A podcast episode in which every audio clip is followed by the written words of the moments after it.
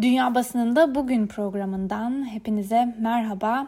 Bugün 4 Ağustos Salı ve bugün de 15 dakikada dünya basınında öne çıkan haberlere göz atacağız. Ee, bugün bültenimize bir kez daha Amerikan basınından Voice of America ile başlayalım. ABD'de okullar korona salgını gölgesinde açılıyor başlıklı habere göre ABD'nin bazı bölgelerinde okullar yeni eğitim dönemine başlamaya hazırlanıyor. Güz eğitim dönemine ilk giriş yapacak okullar arasında Georgia, Louisiana ve Mississippi eyaletlerindeki okullar yer alıyor. Birçok okul bölgesi ailelere en azından bazı dersleri yüz yüze yapma ve kalanları ise çevrim içi yapma seçeneği de sunuyor. Ancak artan koronavirüsü vakaları Los Angeles, Philadelphia ve Washington gibi kentlerde yüz yüze eğitimin bir süre daha ertelenmesi kararının alınmasına neden oldu. Ancak karara tepkiler de sürüyor. ABD'de 35'ten fazla okul bölgesinde okulların koronavirüsü vakalarının arttığı bu dönemde açılması karşısında öğretmenler ve okul çalışanları tarafından pazartesi günü protesto gösterileri düzenlendi. Öte yandan Huffington Post'un aktardığı habere göre de okulların açılması kararına tepki gösterenler yalnızca okul çalışanları değil, sağlık çalışanları da bu konuda endişeliler. Öbür taraftan sağlık çalışanları okulların açılmasıyla beraber hastaneye başvuran kişi sayısının da artacağını savunarak okullar açılmadan önce ücretli izinlerini kullanmak istiyorlar. Bunun için ABD'de 500'den fazla sağlık çalışanı tüm Amerikalı sağlık çalışanlarına ücretli izinlerin genişletilmesi için ortak bir mektup kaleme aldılar. Dün bültenimizde değindiğimiz haberlerden birinde şunu söylemiştik. Beyaz Saray'ın salgınla mücadele için oluşturduğu koronavirüsü görev gücünün başındaki isimlerden biri olan Dr. Deborah Birx yaptığı açıklamada ABD'de salgında yeni bir aşamaya gelindi ifadelerini kullanmıştı. Ve New York Times'ın aktardığı habere göre de e, bu açıklamanın ardından Trump hedef aldığı Birx için çaresiz ve zavallı kelimelerini kullandı. Bunun üzerine Hastalık Kontrol ve Önleme Merkezi'nden Dr. Anthony Fauci, Birx'e arka çıkarak açıklamasına destek verdiğini söyledi ve böylece Trump ve Fauci arasındaki gerilim de bir anda tekrar yükseldi. Voice of America'ya geri dönelim ve sıradaki haberimize geçelim. ABD'de yeni ekonomik yardım paketinde uzlaşı yakın mı başlıklı bir diğer habere göre salgının başlangıcında ekonominin ciddi oranda etkilenmesiyle beraber işlerini kaybedenlere sunulan haftalık 600 dolarlık yardım paketinin süresi geçtiğimiz hafta sonlanırken yetkililerin üzerinde çalıştıkları yeni paket işsizlere sunulacak yardımı da kapsıyor. Öbür taraftan yardım paketinin yenisi için de bugün görüşmelere tekrar başlanacak. Aynı konuyu New York Times da bugün gündemine taşımış.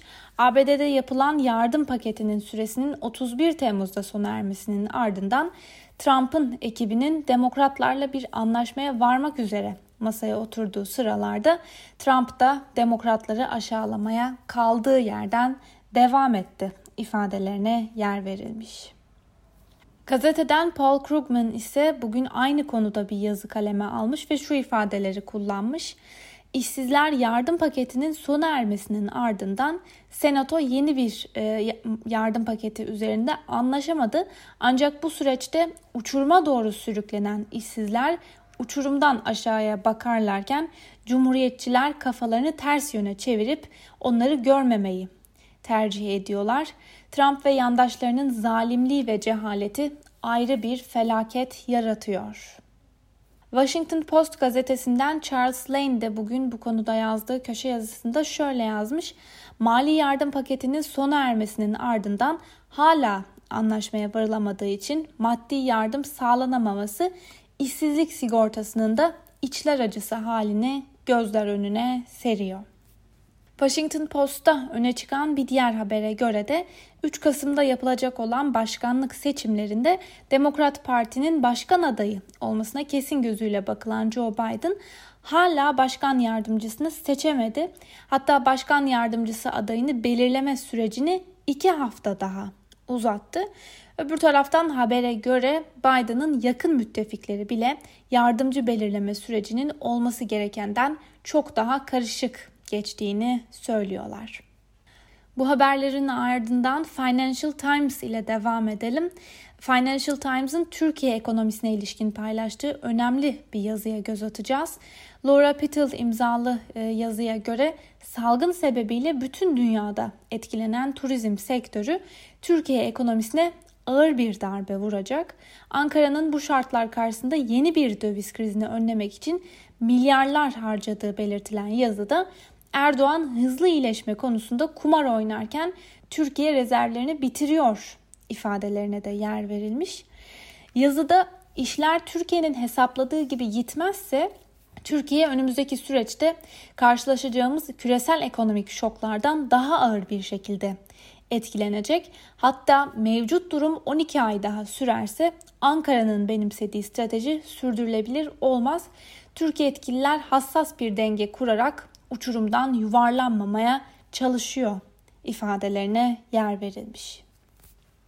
Dikkat çeken bu yazının ardından The Telegraph gazetesinde öne çıkan bir yorumla devam edelim. Ee, The Telegraph bugün İngiltere'nin de gündeminde olan okulların açılıp açılmayacağına ilişkin bir yorumu ilk sayfasına taşımış. Jessica Caparni imzalı yazıya göre mevcut test ve takip sistemi iyileştirilmediği sürece e, okulları yeniden açmak yalnızca ikinci dalganın gücünü ve büyüklüğünü arttıracaktır. Hatta belki de okulların açılması ikinci dalganın birinci dalgadan en az iki kat daha sert olmasına neden olabilir ifadelerine de yer verilmiş. The Guardian gazetesi bugün dikkat çeken bir analizin sonuçlarını paylaşmış. Buna göre Brexit oylamasının ardından Avrupa Birliği'ne taşınan ve göç eden İngiliz vatandaşlarının sayısı yalnızca son birkaç ayda %30 oranında arttı. Öbür taraftan yaşanan bu kriz herhangi bir AB ülkesinde vatandaşlık alan İngilizlerin sayısında da %500 oranında bir artışa yol açtı.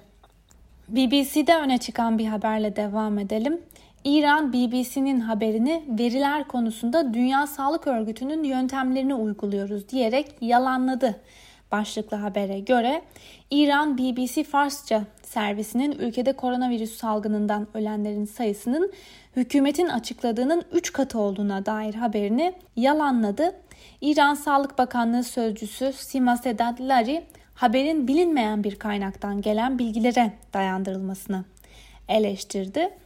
Larry ayrıca ülkesinin vaka ve ölüm sayıları konusunda Dünya Sağlık Örgütü tarafından onaylanmış bilimsel yöntemleri sıkı sıkıya uyguladıklarını da kaydetti ve medyanın da bireylerin siyasi amaçlarla bilimsel tartışmalara girmekten kaçınmasını istedi. Independent gazetesi bugün gündemine ABD ve Çin arasındaki gerilime ve rekabete ilişkin birkaç haberi taşımış. E, bunlardan birine göre Trump TikTok'a 15 Eylül'e kadar süre tanıdı. E, Başkan Donald Trump Microsoft'un kısa video paylaşım platformu TikTok'un Amerika'daki faaliyetlerini içeren kolunu satın alma planı ile ilgili yorum yaptı. Trump TikTok'u kim satın alırsa alsın satış gelirlerinin önemli kısmını devlet hazinesine girmesi gerektiğini söyledi. Trump satış olmaması halinde TikTok'un faaliyetlerinin Amerika'da 15 Eylül itibariyle yasaklanacağını da açıkladı. Gazeteden İsa Nehari'nin bugünkü Çin TikTok'u ABD'yi gözetlemek için mi kullandı başlıklı yorumuna göre e, geçtiğimiz iki haftadan beri tartışmalara konu olan uygulamanın adı Pekin'deki istihbarat birimlerinin lehine casusluk yapma ve bilgi çalma eylemlerinde bulunma ihtimaline ilişkin bir takım iddialara karıştı. Trump'ın uygulamayı yasaklayacağına ilişkin açıklamalarının arkasında ABD'nin ulusal güvenliğine yönelik olası tehditler var. ABD'li yetkililer uygulamanın kötü amaçlar doğrultusunda kullanılmasına ilişkin endişelerini dile getirirken şirkette Çin hükümeti ile ilgili herhangi bir bağlarının olmadığını vurguladı. Öbür yandan Forbes dergisi tarafından yapılan bir analize göre ABD'nin gizlilik ihlallerini tolere etmeyeceğini söyleyip e, uygulamanın 10 milyonlarca vatandaşının verilerini casusluk amacıyla kullandığına ilişkin iddiaları da henüz doğrulanmış değil. Bültenimize Alman basınıyla devam edelim. Almanya'da korona tedbirlerine karşı gösteri tepki topladı başlıklı habere göre. Almanya'da son günlerde salgın dönemlerinde toplanma özgürlüğünün sınırları tartışılıyor. Dün bültenimizde de aktarmıştık. Hafta sonu Berlin'de aşırı sağcı gruplardan yaklaşık 20 bin kişi hükümetin korona tedbirlerine karşı protesto gösterisi düzenlemişti. Ancak eyleme Alman kamuoyundan, siyasetçilerden de gelen tepkiler büyüyor.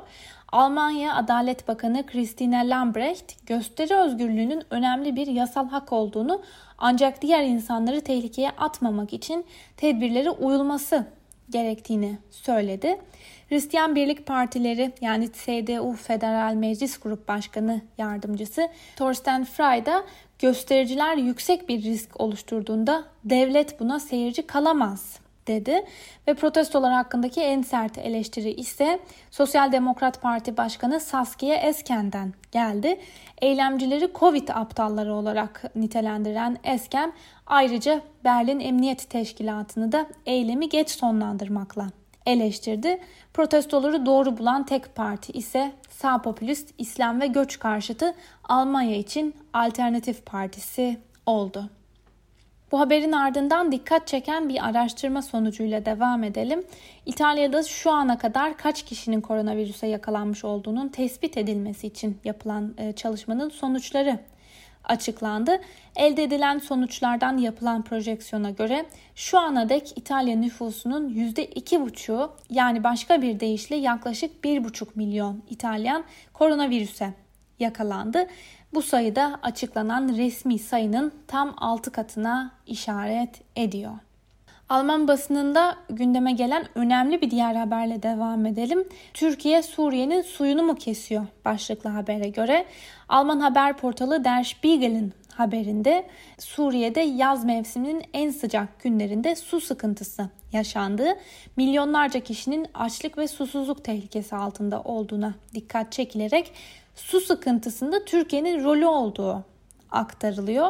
Suriye'deki su eksikliğinin sebebinin Güneydoğu Anadolu Projesi yani GAP kapsamında e, hem Fırat hem de Dicle nehirleri üzerinde inşa edilen barajlar olduğuna işaret edilen haberde bu barajlarda tutulan su nedeniyle söz konusu iki nehri hayati ölçüde muhtaç olan Suriye ve Irak'taki su sıkıntısıyla mücadele ediliyor denildi.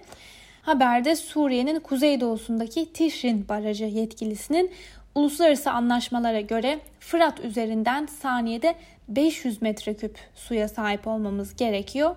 Şu anki seviye ise 200 metreküp açıklamasına yer verildi. Uzmanlar bu durumun sonuçlarını tam bir felaket olarak niteliyorlar.